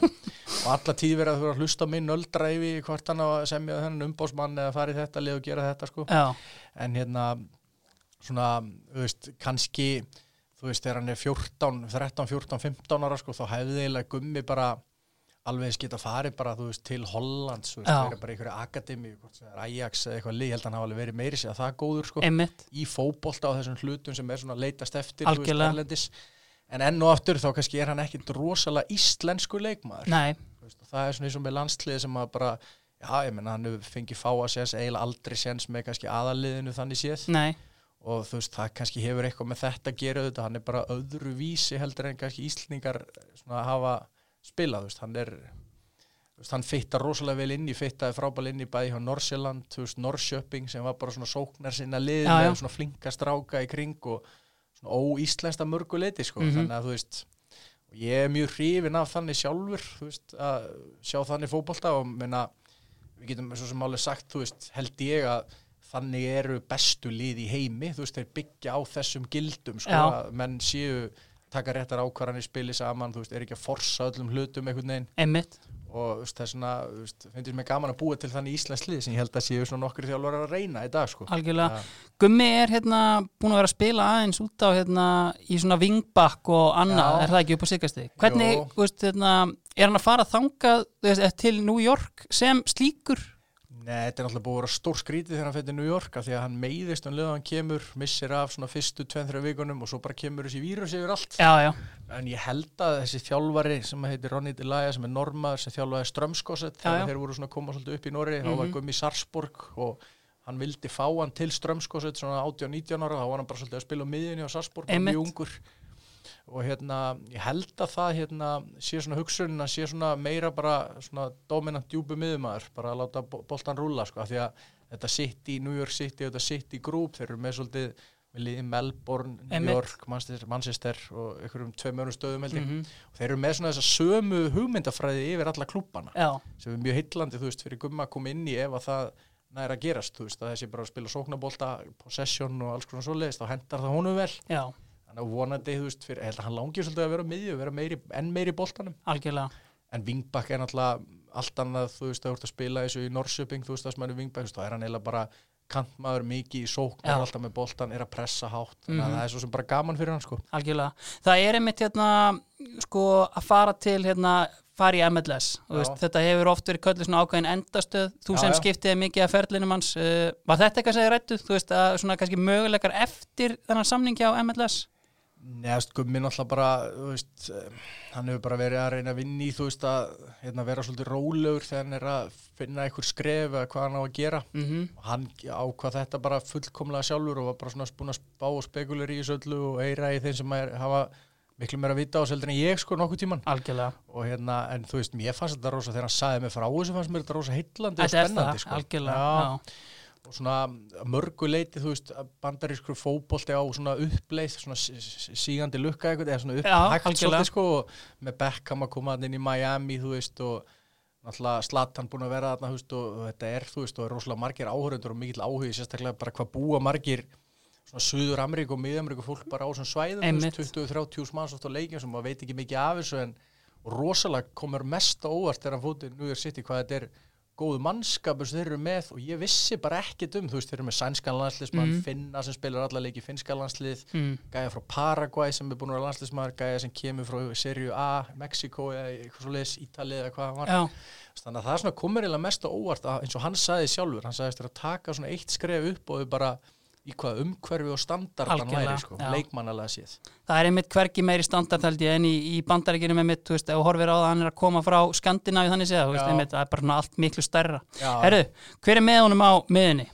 Um, sk- skrítið pikk vegna þess að þú veist hann var ekkit endilega að delivera þegar ég var að spila með um á Selfossi en, en það er Dabbi, Daví Guðrunarsson Já, Daví Birgis. Háværi töframæðurinn. Já, Ég er tiltölulega nýbúin að ræða hann hérna við KF Legendi Jón Kára Eldon. Já, En svona, hvernig strækaði hann? Hann kemur hérna með Gumma Ben 2010, er það ekki? já, gummi svona einhvern veginn laumar honum inn hálfpartinn, það var mjög skrítið sko. Já, en þú veist, maður sá bara um leið og hann kom bara, óh, svona gæði sko, djúvillig gaman að spila með hann hann góður í fótbolta. Mhm, en á móti kemur, þú veist, 2010 skilur þá erum við einhvern veginn ekki með næst, búin að manna liði nógu vel fyrir mót, þú veist, átt að hafa þessa fallegu hugsun og byggja á heimamönnum. Já, og það voru bara ekki nógu stór hópur einhvern veginn klár í verkefnið. Mhm, Dabbi kemur þannig inn í þetta og við erum alltaf bara verjast mikið til og Já. dundra eitthvað út í loftið og þetta var ekkit mikið fótboll í gangi maður myndi horfa á þessa leiki. Nei, og þar fittaði hann ekkit endilega inn í þú veist að fara að breyta ykkur þú veist, hann bara þú veist, og hann minnir mig svolítið á veist, svona Arnar og Bjarka þannig típa. Gunnlaugs, já, já, og svolítið svona bara finnur svæði opbóslega klár, klókur, gott höts góð finnir sér, góð skot bara frábær raun og, mér er svona synd með hann einmitt sko, hann svona fellur í svona hóp sem að ég svona séð svolítið gegn tíðina sem eru óbóslega góður í fótbolta en þrýfast eiginlega bara ef þeir hafa aðra í kringum sem eru svipa þengjandi. Þetta er einmitt sko góð pælinga því að maður pælir oft í þessu. Dabbi er hérna í öðrum flokki og K.R. sem að rúlar yfir Íslandsmóti og þú veist það er kannski erfitt fyrir hann að finna eitthvað lið sem að fittar hans leikstíl af því að Já. þá ertu kannski að horfa í lið sem að dominata possession. Já, en þau lið eru kannski bara veist, ekki tilbúin að veist, henda einhverjum 19 ára gutta í, í lið og ég meina eins og maður pæli líka bara gæjar sem að fara í atvinnumennsku, ég meina Óskar Örn Hugson hvað á hann að gera í Sandnes Úlf sem að er með 20% possession sko. já, já, akkurat. Og það er einmitt sko. Og Dabbi er einmitt þannig gæði en svona veist, það var bara ríkalega gaman stundum að fylgjast með á æfingu og sérstaklega bara að lenda með honum í liði og, og bara, þú veist hann hefur bara svona hugsun sem er svolítið erfitt að kenna. Já, það er, þú veist, og þess vegna einmitt með hann og gummi á miðinu, myndi aldrei með þessa boltan og myndi finna svæð og myndi finna síðan hina sem við komum inn á sko já, þannig að það væri, þetta væri gott lið sko Algjörlega. bara eh, mjög gaman að fá svona alltaf Davíð, þú veist, skemmtilegu náungi og hress og svona en Já. hérna eins og ég segi sko, hefur þetta hann svona faktor sem er sjálfgjafur algjörlega Sko tímabilið 2010 eins og ég kom inn á áðan fyrsta tímabil Selfoss í eftir deild og Gummi Ben kemur að þjálfa þú veist, einmitt byggt á heimamönnum en, en þú veist, kannski hvernig svona lítur þið tilbaka á þetta tímabil? Ah, það er svona, veist, þetta er svo marga tilfæði, svona margt blendið, þú veist, Mhm. margt sem maður er alltaf skoðun á eftir á, þú veist, fyrsta lagi náttúrulega eins og segir, þú veist, það kemur þessi gufu hugssjón, byggjum þetta á þeim sem komið svo upp, Mm þú veist, fyrir mér er það bara algjört bullshit alltaf, Já, ég, veist, mér finnst það bara algjört kjaftaði, sko, annarkvort allar bara að reyna að ná okkur um árangri og gera það bara styrkjur og bara liði eins og þú þarf Já, og fer bara all in, þú veist, það er, við, þú veist, það er engin stærri en klúpur en þó að sé einhver ungu maður sem hefur spilað eitthvað að leiki fyrstu deild og hjálpa liðin, bara frábært hjá hann, hann þarf svo bara að berjast fyrir sætun áfram og þá er bara herri standard. Einmitt. En ég held að Selfoss hafi bara ekki hækka standardin nóg, þú veist, Gummi Ben kemur inn og eins og ég sagði hann með, þú veist, já, þú veist það var ekki nærðið nóg mikil pressa á honum bara, þú veist, herri, hvað viltu gera?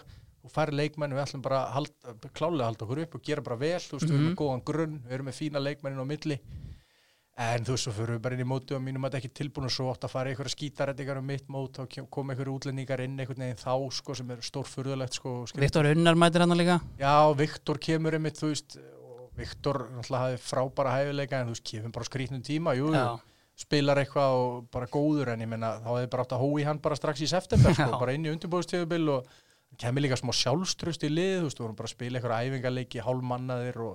þetta var bara, mér varst illa haldið utanum þetta tækifæri, sko, á mörgu leiti. mm Varst á æfingunni þegar Óskar Hrafn ætlaði að kenna mönnum að skalla boltan frá og sleit hásinn? Já, ég var þeirra æfingu og vissi ég nú ekki hvernig svona Óskar væri þengjandi en það var líka eins og með gumma ben þú veist að því að fórum í æfingarferð mann ég og Mhm. hérna spilum einhvern æfingarleik og þá spilaði gummi hálfleik þú veist, hann var náttúrulega fyrst, var hugsað að myndi spila með þegar Mhm. hann kemur hann spilaði hálfleik og ég hugsaði sko bara í mann, þú veist tengdi rosalega vel við hann og svakalega fannst mér góður í fótbolta. Mm -hmm.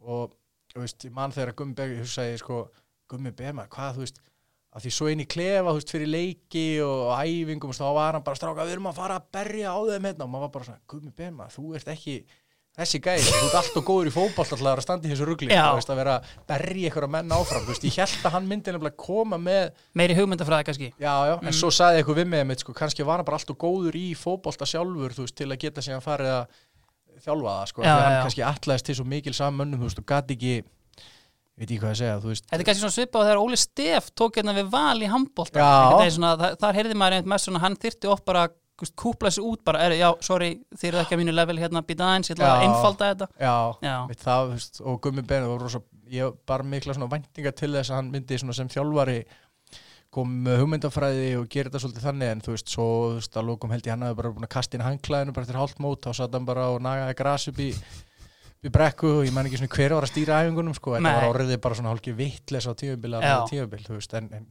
Gummi Ben finnst mér frábær náungi og frábær fótboltamaður en svona, mér finnst svolítið í, í hérna sögulega sér leiðilegt að hann hafi ekki náða, þú veist láta meira að sér kveða bara sem svona hugmyndafræðilegu þjálfari Einmitt, Selfoss, nákvæmlega.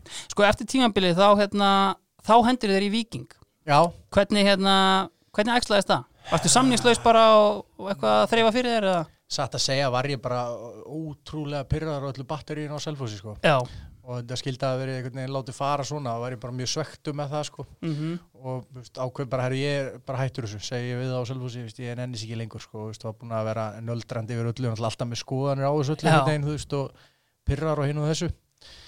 Þannig að ég svona sé þú veist fyrir mér, ég fór okkur æfingar með þrótti og þannig að Palli Einars eh, Palli Einars, ég er jú, Jú, sennilega já, ba mig að koma og vildi bara endilega fá mig þrótt sem á þau sumu dild og Selfoss en Mhm.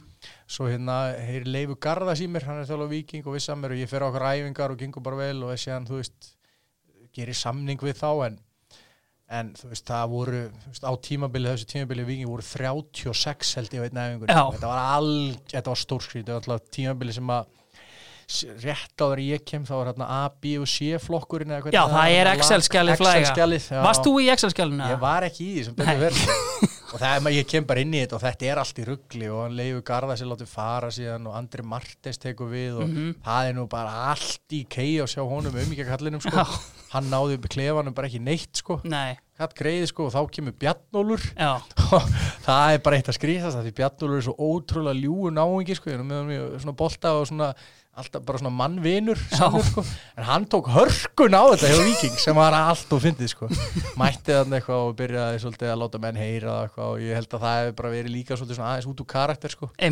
og, hérna, og þetta var bara stór fyrirlega tíðanbili en þú veist enn og eftir bara eitthvað reynsla sko, og margir góði leikmenn en einhvern veginn enginn sem var eitthvað að blómstra og eitthvað heillandi af því þetta var bara algjör ströggl sko, eða frá uppaðið lenda sko. En þetta er einmitt sko, þú ferð þarna síðan í Selfoss bara aftur eða ekki í júliklökanum. Jú, það bara Já. tekið svona hálft síðan og bara fann ég, þú veist, þetta var ekki máli og fer, þú veist, þá er logið mitt uh, með fyrstudeldinni sjálf og er eitt svona, já, það er lagt vel í það liði fyrstudeld Já, og, klára það svona sísum með Selfoss og spila svolítið og bara gaman og förum upp, þú veist, ekki eins gaman að við fórum fyrst upp, en, en mjög gaman að taka þátt í og klára það held ég bara Ólasvíka, erfiðu leik Mhm. Og þetta var bara svona, já, bara gaman og þá var svolítið mikil bjart síði, þú veist, fyrir næsta sísón. þá er einmitt verið að leggja svolítið, eða, veist, ég meina með við það að þetta eru, það eru mjög margir útlendingar þarna, bara Já. alveg óheyrilega mikið Já. og þá er greinilega verið að leggja eitthvað púður í þetta. Já, já, og Logi mátti alveg eiga það, þú veist, að hann hérna, veist, var að setja svolítið pressa á það þú þurfum að græja hérna fleiri leikmenn og gera svona og svona og hann bara, þú veist, þurfti bara alltaf fleiri leikmenn en, en, en það sem ég held að hafi vantað fyrir, hafi fyrst og reynst verið svona hugafarslegt fyrir síðan tímabili sem við föllum hjá, hjá honum og auða var að, veist, það var bara engin trú á verkefninu hjá held ég þeim sem voru að stýra, sko. Nei,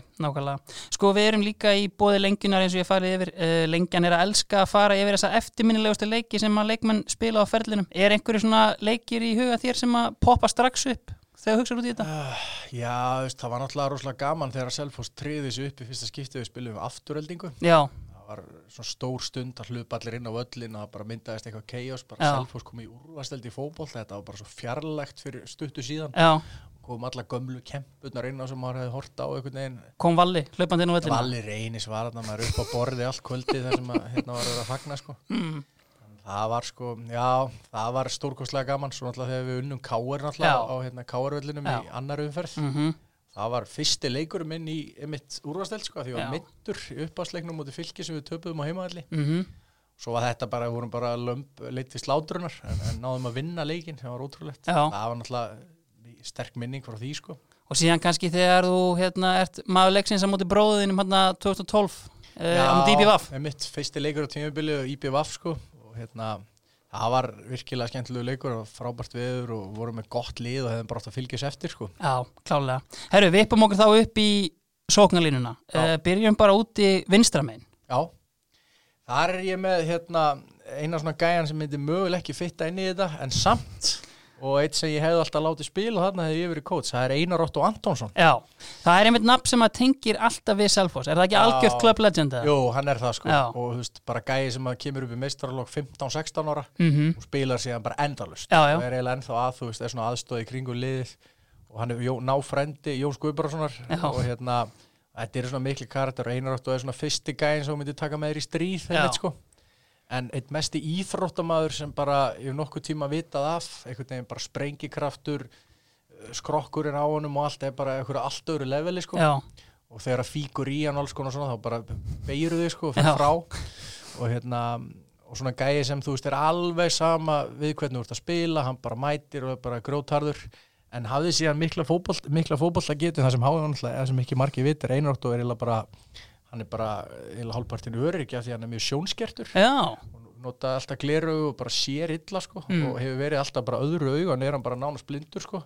Ég held að sé þannig, ég vonu að ég sé að segja rétt frá því, sko. en hérna en hann var síðan alltaf spilandi á miðjunni mm, og ég var oft með á miðjunni og hann var svona gæi sem þú veist það sem hann hafði var að hann tók að stað með boltan já, og sólaði annarkvort í gegnum völlin bara og, og skoraði eða misti boltan bara hræðilum og þess vegna þú veist en með þennan skrokk þennan sprengikraft og þessi gæði og svakalega tækni og mm skorað og allt sko þá hefði ég alltaf gaman að ég að ef hann hefði verið gerðu bara kantmanni snemma og látið hann æfa enn meira sko hann bara ætti engin breyk sko hann var ótrúlegur á þessu leiti sko. Hann er einmitt sko líkir maður einhver 14-15 ár hjá Selfossi yfirgefur aldrei klúppin fyrir borgarlífið. Það líkur hinnlegast að spyrja fyrir ekki að þetta inn lag um Einar Otto Jú, það er náttúrulega er eh, til að sem heitir Velkomin í dýragarðin það er svona afi þeirra heitir Jón Guðbjörnsson dýralæknir Já. og þeir eiga svona fjölskyldu þarna sem er svona hver harðhausinn og fætur öðrum. Já, það er eiginlega klárt lag um, um þessa harðhausa. Já, það er til. Já, liggur við sko. Já, við þurfum að fara að fá það út. Já, en ef við vippum okkur þá bara í hérna, tímabili 2009 sem við Já. erum aðeins búin að snerta á. Já. Soran hættir eftir að Kristján Óli klúra vítinu og Gulli Jóns kemur inn. Voru það ferskir vindar inn í klúbin? Sko, fyrir mig, þú veist, þegar Soran hættir þú veist, þá er ég mjög svektur með það Já. persónulega, þú veist, ég hafði alltaf mjög mikla trú á honum en, hérna, en hann var svona aðeins farin að missa hausinn einhvern veginn aðeins. Já, og svona margt sérstætt sem var í gangi. Spilum hann að leika mitt fyrir austan þegar við komist ekki upp sem Kristján Óli talaði hann þessum sem var svona skrítin leikur á mörguleiti sem Boban Jóvits serbi sem við fekk raukt spjald eftir 20 myndur og, og menn voru nú að tala um alls konar eitthvað samsæriskenningar í tengslu við þann leik en það er nú svo sem ég veit ekki hvað hva, hérna, hva er til því að kunni vel við Soran en svo bara gengur hann frá borðið þarna og þeir svona gefast hálfpartin upp á því að hann, þú veist, hann svona gæði sem átti erfitt með bara að fara og panta sér mat eða kaupa sundskíl og það var einhvern veginn alltaf einhvern hann þurfti eiginlega fylgdarmann bara um allt, allt sem hann var að gera. Hann var svo rosalega svona kröfuharður á klubbin já, og Gulli tekur við og veist, Gulli Jóns er bara svona ég meina ég verið með örugglega 10, 15, 20 þjálfar og hann er svona gæði þú sem maður einhvern veginn hefur ekkert slemt um að segja sko. hvorki sem náunga nýja þjálfara þú veist hann og Gulli Jóns ætti eiginlega þú veist vonandi heldur hann áfram og, og þjálfara því hann er svona gæði sem að þú veist hann, hann bara naturally þá bara fær hann með með sér að því hann er svona no nonsense gaur Mhm. svo hefur hann bara heilmikið vit og fótbolta og er alltaf svona svolítið auðmjúkur í nálgun algjörlega það held ég að sé svo mikilvægt að því þú ert með kannski hálf atumannli eða þó þú er með atumannli þá svona þá er gulli ekki að sko þykjast vita meir en hann veit Já. og menn skinja það. Mm og menn skinja þú veist að hann er bara einn af hópnum og er bara heiðalegur í sínu uppleggi er að reyna að bregðast við því er til í að vinna með leikmönnum, spurja þá hvað erum við að tala um hvað, við erum bara hluta, hann er svolítið hluta liðin hann var náttúrulega spilandi þjálfari með okkur. Já, já, En mér fannst þetta og þetta er held ég hans bara helsti kostur sem manneskjöðu mitt í þessu að geta svona presentera hlutina bara af auðmygt og verið það svona alltaf að læra því hann er, ó- hann er ekki trókafullur og heldur hann vit allt Mhm. hann er alltaf held ég held að hann getur orðið frábær þjálfari áfram með tímanum sko.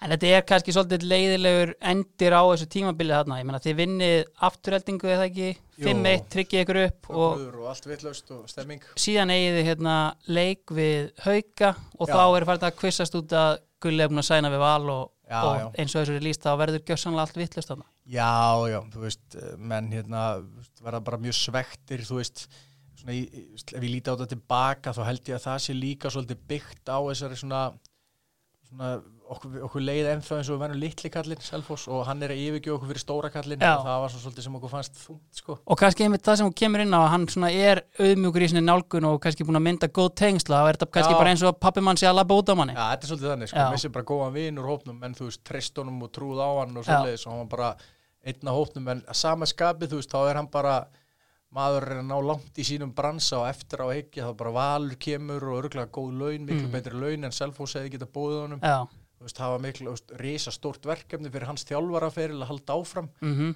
og ég menna, þú veist eh, fyrir mér þá veist, finnst mér ekki hægt að setja út og gulla fyrir það sem hann tekur þessa ákvörðun mhm en hvernig svona var staðið að er náttúrulega eitt, eitt stórt bara fjasko sko. Já. Þú veist, það hafi ekki verið hægt að gera þetta einhvern veginn öðruvísi sko. en Mhm. ég veit að Gulli talað um það að þessu sem verið hægt að reyna það einhvern veginn, ég man ekki hverju það strandaði á sko. en, mhm. En það fannst mér leiðilegast þú veist, þarna í miðjum fagna að látum þetta færa alltaf snúast um þetta líka Já, sem var bara, þú veist, að því maður vildi í raun, þú veist, herru, sorry, stráka, Gulli er ekki stærri en klúpur, við þurfum að halda áfram hérna að byggja upp klúb, þú veist, og það áttu náttúrulega þeir sem eru kannski kring líka, þú veist, að reyna að koma í vekk fyrir að þetta myndi kvissast út í fyrsta lagi svona og bara líka klára helvítist tíðabili, svo mætir hann fyrsta dag hjá val, Mhm. punktur.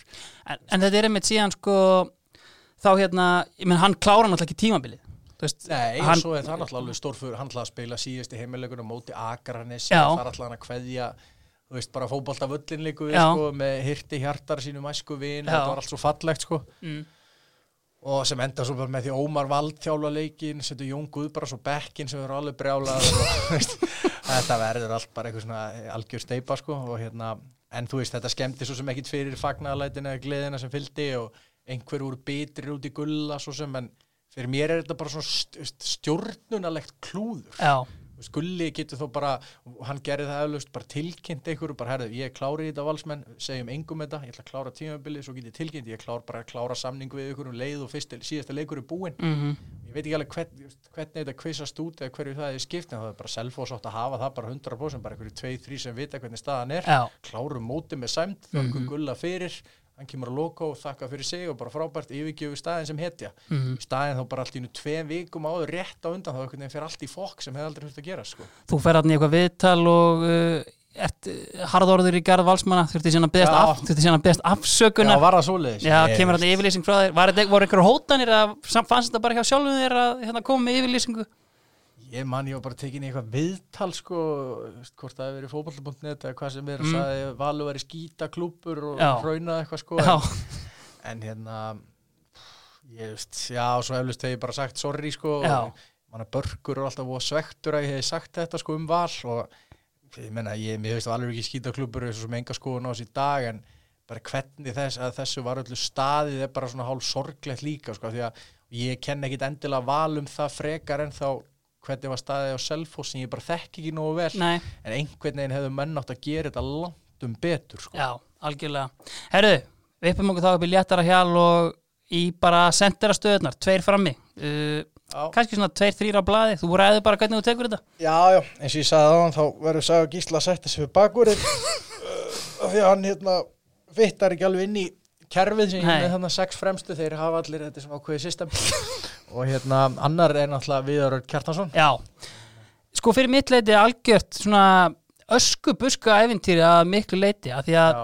mér fannst hann mikið með hann látið kannski 17-18 ára. Já. síðan fyrst mér eins og uh, bróðinn og Jóndaði aðeins taki sviðið og síðan alltaf 2011 á alltaf styrla tímabili fyrstu deild.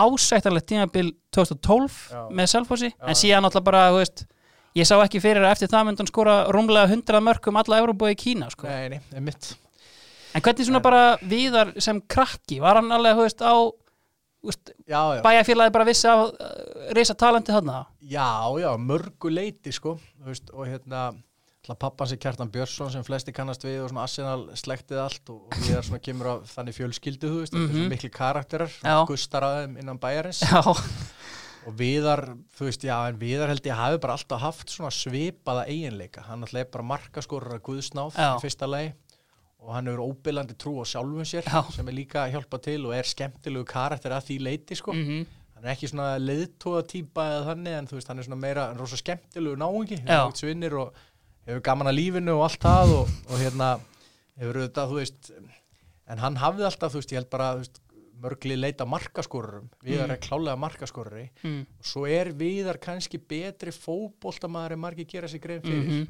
og hann hefur einmitt þennan eiginleika sem að ég á svo að leita að því ég var að stilla upp liðinu mínu og hann hérna að, að gerir ekkit meira en hann ræður við. Já, veist, Viðar og sér hann sjaldan vera að fara að taka skærin og sóla þrjá og reyna eitthvað að körlan sko. Hann er meira bara fær boltan í lappir, skila tilbaka kemur sinni á tegin, leggur hann í hotnið Já. eða hvað sem er sko. og þetta er bara, þú veist, við minn feril í fótbolta, er bara sterkasti eiginleiki sem að nokkur fótboltamaður getur haft er að vita sín takmörk. algjörlega, Já, þú veist, annars er þetta bara eins og við vorum að lendi með Selfoss bæði árin í úrasteld, þú veist, það ætlaði hver hetjan og fættur öðrum að fara að gera eitthvað og það er alltaf sliðin sem falla, þá ætla þess alltaf að dundra 40 Já. metra og þess ætlar að sóla og þessi svona, þú veist, veist með 11 gæja sem að þekkja sín takmörk og eru þú veist, svona agaðir og kent það, þá er viðar fullkomin í því dæmi, sko. einmitt. Við erum aðeins búin að snerta á þessu 2012 tímabili hjá Loga en ef við krefjum þetta aðeins, uh, þú ert kannski komin svona í aðeins minna hlutverk, er tónlistin algjörlega tekin yfir þarna eða?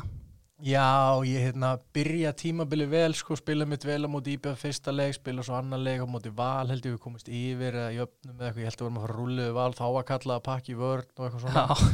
Spilum svo þriðja leik á móti FH held ég og bara missum það niður í lokin og heimaðalli, já, svo er ég settur á bekkin og ég er bara eiginlega verða alveg það er þannig séð sko fyrir bara í brjálaðislega fílu og það var, var eiginlega bara í fílu restina af þessu sko og var rúlandi yfir heiðina með Tóma Leif sem við komum að og Já. Ólafur Finnsen og, fleirum og var svona maður sko Auðun Helgason var aðstofþjálfari og hérna við höfum mikið leiðaði, þú veist, að eins og ég hef sagt svo sem, þú veist, á þess að vera eitthvað að hallmæla utta og loga, þá bara höfðu þeir enga trú á verkefnu held ég og, og taktikin var svolítið mikið bara utti kallaði alla leiki upp á linjan, upp á linjan þá vorum við með þrjá, fjóra normenn og, já, Babakar Sarr var náttúrulega líka og annars Já. Senegali og fleiri útlendingar sko, taktikin var eða bara dundra upp línuna. Já, og Utti tók inn í svona æfingu manni þú veist eftir eitthvað nokkar leiki og að vera að setja á miðun og þá var ég tekin inn í miðjurring og átt að taka langa upp í hot ekkit áneitt sko, bara í hotfánan að láta hann lenda þar. Já, þetta var svolítið svona uppleikið þú veist og svo voru við að verjast og berjast og, og þetta, bara, veist, þetta var bara flott fótballtalið sem hefur bara geta farið og unni hvaða leik sem er sko en sem að síðan síndi sig svo sem alveg þú veist að dutti inn einn og einn leikur sem var flottur en já ég þú veist að mínum mati þá hefði bara þurft að vera meiri trú á þessu liði frá upphæðið lenda sko Hvernig kom Ólaður Karl Finnsen hann á Selfoss? Hann var ekki góður sko Hann var, þú veist, Óli náttúrulega var síðan bara besti maður mótsins og og, hérna, hérna, nokkru mánu setna og hefur verið bara mjög góður á, á góðum köflum með val mm.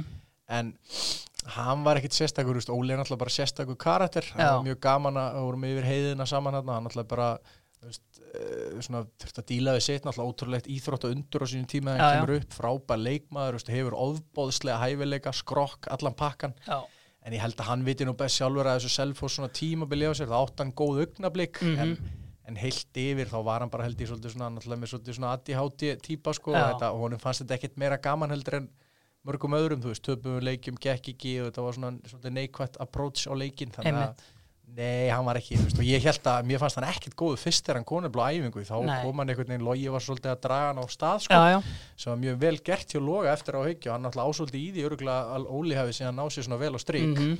en þá kom hann fyrstu æfingar og ég hristi bara hausum ekki fara að fá þennenga, hann getur ekkert sko. já, en svo náttúrulega, þú veist, hefur hann náttúrulega þessa rosalegu hæfilega býra þessu vopnabúri sem hann hefur og það er svona hjá honum snýst held ég mest bara um hausin á honum sko, mm. sem var ekki eins góður hann á Selfossi svo í stjörnum setna sko. En kannski svona, ég meina þegar maður lítur yfir leikmannahópin að kannski gæi eins og Babakar Sarr sem Já. að, veist, síðan er búin að ná kannski, veist, fyrir utan viðar mestum árangri Já. í svona já, Alvöru gæi, kannski smá brasi í dag en Já, maður, maður hérna, mjög leðilegt að sjá þær fréttir á honum Já. en, Babakar, þú veist, hann hafði svona allan pakkan já, og bara góður fótballtamaður og vardalega og sóknulega og bara fýtt karakter, alltaf svona jákvæður inn í liðinu og mm bara mjög stert að fá eitt svona bara inn í svona lið sko, Já. en höfðu mikla trú á honum sem reyndi síðan bara rétt af því hann hafði ennþá meira potential algjörlega. hann hefði alveg geta verið svona einn betri sem ég spilaði með og við spilaðum svolítið að leikjum saman við tveir og mér fannst mjög, vóum hvern annan aðeins upp sko, hann var mm svo sterkur í loftinu og svona lungu lappir og svo fekk ég aðeins að svona dreifa boltanum Já. með hann Einmitt. Herru, hver er með viðari upp á topp? Herðu, þ- það er geggjað að hérna, enn og aftur að Saga Gísla fengi bakur og Hjörtur Hjartar er, er í Já. Það er alvöru gammurinn í tegnum og hann kemur hérna, kemur inn í tímabilið 2009 um mitt sumar, var Já. hann mikil vítaminsbreytið að koma inn að einhver sagði? Já, bara mínu mati, þú veist, þá hérna, var þetta besta sæning sem Gulli Jóns gætt gert Já. á þessum tímapunkti. Við vorum og ganga rosalega vel lengi vel, svo bara hyggstuðu aðeins, töpuðum einhverjum einuleik og svo jafntefli og liðin voru svona farin að nálgast okkur hvort við vorum komnir í annarsæti eða eitthvað og þurftum bara, þetta var okkar höndum en samt sexu leikir eftir og svolítið neikvætt svona Já, væp í gangi. Mm og hann fær hjört inn og það er bara, bara stórkostlegt að öllu leiti já, mætir á fyrstu æfingu og raunar yfir Sæfa Gísla og Jón Guðbrands og alla kongana sko þeir sem voru. Og það var náttúrulega bara nákvæmlega það sem við þurftum, það var bara einhver algjör nagli sem bara af því þú veist það er svo auðvelt eh, ef að menn er ekki vanir í að klára svona mót eins og við vorum ekki, höfum aldrei gert, fara upp svaka stórt, að kæmi bara eitt sem væri búin að gera allt hundra sinnum já, og bara segði þeim að halda kjafti sem voru stressaðir Já. og bara áfram gakk. Einmitt. og hann kemur svo bara raðar inn mörgum og er að mínu mati mjög góður fótboltamaður. Já, og, veist, og svona svolítið eins og viðar að því leiti að hjörtur það svolítið fyndið sko, ég þekki svona gæi í golfi sem er eiginlega ekki góðir í neinu en samt rosalega góður í golfi. Og hjörtur finnst mig að vera svolítið þenni fótboltamaður. Hann er eiginlega ekki góður í neinu en frábæð algjörlega. það byggir svolítið því, hann er ágætur í öllu en hann hérna er þú veist svona þessi auðmjúka típa í fótbolta, hann bara gerir það sem hann getur Mm spila fyrir liðið veist, klára það sem hann á að klára sig af veist, hefur svona vit á því að þú veist bara geggjaður í þessu mætir í tegin, skýtur og markið skorar með sjálfströst, góðu liðsmaður aldrei hrættur gæðið mitt sem þú tekur með þér í stríð og kann fótbolta sko. Algjörlega. Þú varst líka með shoutout kannski á Hjálmar Þórens. Já, já, fyrst að þetta var, þú veist, ég var að hugsa að þetta hefði verið í úlingalandsliðinu. Hérna að bara ég hefði þurft að hafa hjálmar fyrsta gæðan, þú veist, hopla, þetta var alltaf bara brandari þegar hann var ungur, hvernig þetta var. Já, öllum úlingalandslu og ekki svo að spila við einhverja pappakassa sko, spila bara við Frakland og Svíþjóð og og einhverja landsleismenn og þeir aldrei og Hjálmar var bara eins og Maradona sko, þetta var ótrúlegt sko. bara dúndurðum fram og hann tók hann á kassan og sólaði tvo og skoraði sko. við bara fórum að fögnuðum og unnum fullt að leikjum út af þessu rugli sko. Eh, og hérna, já, já, menna hann bara, þú veist, eh, náttúrulega veit ekki, einhvers konar, þú veist, svona skrítin saga sem Já, hann hefur farið í gegnum og verið að díla við sitt bara eins og margir mm en hérna já, ég meina Hjálmar Þóraðin sko, bara í minningunni, ég veit ekki hversu oft svona talent að koma upp sko. nei, nákvæmlega. Herruðu, lókum það liðin á hægri kantinum. Já, Eh, Tómas Leifsson. Já, hann mikli úr hafnafyrði. Hann kemur hérna og spila með ykkur tímabilið 2012 í efstu deildinni. Já, við Tómi held ég um aldrei náðu að spila leik saman. Spilum mikið um það, mjög góði vinnir sko. mm. þú veist, við vorum svona bekknum til skiptis og þú veist, svo líka við var, þegar við var skipting þá var mér skipt inn á fyrir hann og sko, það var einhvern veginn þannig. Mm. en þú veist, og Tommi var ekkit stórkostlegur þetta tímabil og eða þannig, þú veist, hann var bara fín en hérna en Tommi veit ég alveg að hefur þú veist, hann er svona eins og bæði Dabbi Birgis og Viðar, þú veist, ég er svona ef þú myndir para saman, það var svona pæli, pælingi mín með liðinu. Já, það myndi parast Tomma Leifs þú veist, með þessum gæjum og vera stórkostlegur þú veist, hann svona kann leikin upp á tíu kann fótbolta, mm. -hmm. með fína löpp og allt það en þú veist, hann kann að bjóða sig og fá hann á hæri og gefa vel á næsta og allt þetta sko, mm og svo er hann stórkostlegur í klefanum Bara gaman að rúlla með hann yfir heiðina hann náttúrulega á hverjum degi sko og raunni við þjálfaran og klúbin og allt sem var í gangi sko.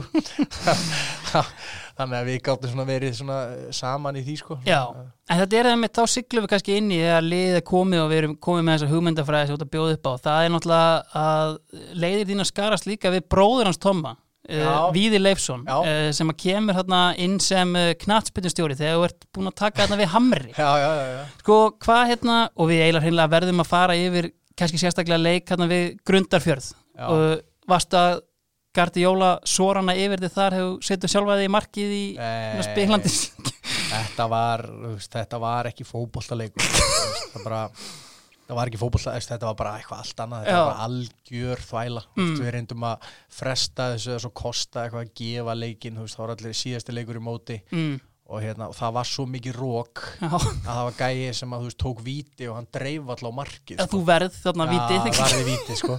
En þú veist, hann var bara skjó, þú veist, hann var á vítapunktunum og hann dundraði á markið og hann dreif alla sko. Og þetta er náttúrulega, þú veist, eitthvað sem að maður sér ekkit fyrir sér allar að þjálfa í neðri dild og gera eitthvað hluti sko. Svo ertu bara mættur á grundafjörð í veðri sem er bara ógjörningur að spila nokkurt já, og fullt af svona aðtökum, þú veist, þetta sumar sko sem bara, maður lendi bara endalusum veggjum hvað, hvað, út í hvað maður komin sko. Já, en stórkostlega gaman og ég held þú veist að það hefur verið gaman að veist, og með bauðs svo sem alveg að halda áfram með þetta þá en ég ákvaða að taka smá ég ætla að klára gráðuna í þjálfara mentun er það eitthvað sem þú ert ennþá pæli í það? já ég þarf að klára verklega hlutan í þessu, í þessu fyrstu gráðu til að geta skila þeim blöðum inn. En Mhm. ég hef alveg áhugað að þjálfa og hefði mjög gaman að það væri svona inn í framtíðina þú veist eitthvað sem maður geti lagt áherslu á. En þá, það sem ég gerði með Hamar var ég ætlaði bara að gjör bilt á öllu í hverja gerði og ég laði svo miklu áherslu á að klúburinn væri ekki mínus og ég var svolítið að hjálpa til bara með það þannig að budgetið var eiginlega ekkert og voru þannig að þú ert líka leikmenn. í bókaldinu bara? Já, bara reyna að hjálpa til með allt. Af því mér finnst ekkert lélera og það er einhvern veginn út um allt á Íslandi veriðist vera, menn eru alltaf að semja við eitthvað sem ég get ekki staðið við. Já, já, mér finnst það bara skelvilega lélegt, alveg hræðilegt. Og líka þá hjá leikmennum bara, þú veist, að segja bara ekki heyrðu, gerum þetta hérna bara þannig að allir geti staðið við sitt, sko. Já. Veist, þetta er þetta er algjört fjasko og maður hefur hýrt af þessu út um allt einhvern veginn og þetta er svo þetta er erfiður rekstur en hættið þá bara semja um þessi svakalegu laun sko. já, algjörlega. Her, mér. Vinstri bakurur, það mun skiptast á milli Valla Reynis og Sæfars Gísla. Hafsendar Jón Guðbrands og Suðurlandsins eina von Arilíus Martinsson Hæri bakurur, Jón Daði Böðvarsson. Á tveggjamanna miðju Gummi Tóta og Davíð Guðrúnarsson. Eh, Vinstri kantur Einar Otto Antonsson upp á topp, Viðaröld Kjartansson og Hjörtur Hjartar og Tommi Leifs út á hæri vang. Yes. Þetta væri mjög spennandi að sjá. Já. Sko, uh, það liggur hérna beinast við úr Tomma að við förum hérna í uh, kannski svona upp á allt sköllótt á leikmannin frá ferlinum í bóði við okkar í OK Bón um, Er einhverju svona sem að koma strax upp í hugan með glæsilegan skalla sem hún spilaði með? Já, já, sko, það er það er alltaf einhverju, sko, ég er að hugsa hérna sko þegar ég í fram Já, einhvern veginn ringi það strax bjöllu einhver hafi verið alveg svakala sköllóttu það hver var það? Þetta er nú góð spurning, byrju hverju voru þannig? Það er einhver framari sem kemur upp í hugan sem var alveg bara bónaður Já, ég meina Tommi náttúrulega Já. hann var stemma þunnherður Tommi gott sjátt en við skulum Já. hérna krifja aðeins hérna síðan bara off-air hérna leikmannahóps fram og, og finna hann. Herði, hérna ef við förum kannski bara úti ég meina þetta eru mjög margir þjálfara sem við höfum haft við förum með þetta er Malar Kitty, þetta er Gustaf Adolf Björnsson fastengarsamling Gethekki og handbóltaþjálfari Já. Óli Kristjáns, Soran, Gulli Jóns Gummi Ben, Lói Ólafs og Gunni Guðmunds Já, Er þetta ekki allir? Hver myndi þjálfa þetta lið? Ef ég ætti að velja þjálfara fyrir þetta lið sem Já. ég spilaði hana Já, Úff, sko við getum útilokað eitthvað við getum útilokað Sóran strax sko hann myndi ekki hafa þólimæði í nokkra hana að svona þó að hann væri eiginlega bestu taktist til að gera. Já, sko Gulli væri langt besta sjáti svona með að þekkja mannskapinn Já. og svona geta gert það rólega. Mhm. En ég myndi persónulega vilja gefa Gumma Ben sjens aftur og nú þyrft hann að miðla sinni fótbolltagáðu inn í þennan hóp Já, og banna bara pakki vörn og dundra fram sko. þá held ég að Gummi Ben geti verið kandidat sko. fíla það Sko, ég meina sem þjóðþektur einstaklingur spilandi fótbolt á Íslandi varstu fyrir miklu aðkasti, trash talki frá anstæðingum Já, það var alveg hrikalega mikið Er það? Já, já, já, ég man eftir því maður þú veist og man alltaf Þóra Akureyri, þeir eru alltaf erfiðir sko. Já, svo er hann að fann að syngja fyrir þá eh, hverju sumri núna, bestu vinni mínir. Það er eins og það er en hérna það var, já, þegar maður fór á Þóra Akureyri sérstaklega og langt út á land sko, Sandgerði og Garðin sko, já. það sem maður fekk að heyra maður söng trúðurinn og þetta sko. En ég var náttúrulega svolítið svaraði stundum Já. sko, og var svona kinda eins og móti, fannst það gaman. En upplifir einhvern tíman svona, þú veist, kannski vannmatt í þinn garð einmitt að því að, þú veist, þeir litu kannski bráði sem söngtrúðin. Já, já, ég, þú veist, upplýði það alveg og kannski sérstaklega svona hjá þjálfurum. Já, og ég svo sem skildi það alveg, eins og ég var hjá Viking og var ég bara einhvern veginn aldrei tekin með inn í þetta batteri, sko. Og þá var ég náttúrulega hvað allra mest að gera í tónlistinni og veist, kannski eða, ég veit ekki ef að ég var í þjálfari og veist, Páll Óskar myndi vilja koma og vera í hásend, sko, þá myndi ég vera gláði pæli í því þó að hann væri góður, sko, Já, já. ég veit það ekki, þú veist, Mhm. allavega það var meira þannig sem ég upplýða, jú, jú, eitthvað vannmatt hjá liðum en sem betur fyrir það sem var best að spila á Selfossi sko, því þá var ég miklu meira bara Ingo Sonu Tóta fótboltamaður Já, já. heldur en einhver söngvari sko. algjörlega þess vegna var það skemmtilegast Er einhver sem poppar upp í hugan sem svona erfiðasti anstæðingur sem þau mætt bara einhvern tíma þegar þú varst að spila og, heyrðu, ég á ekki breyk hérna Sko um, Já, sko það voru nokkri sem að ég man alltaf eftir, ég tók alltaf eftir þegar Guðjón Pétur var í haugum þá var hann stórkostlega góður á miðunni Já, svona, góð, veist, bara svona dómin er alveg leikið með, með því að vera góður bara í fótbolta. Mhm. Það var svo gaman og svo hérna svo náttúrulega þessi tímabil sem við vorum í úrvasteild sko veist, það var erfitt að spila upp á skaga sko, töpum það er eitthvað, veist, þegar skagin var svona aðeins að rífa sig í gang. Mm.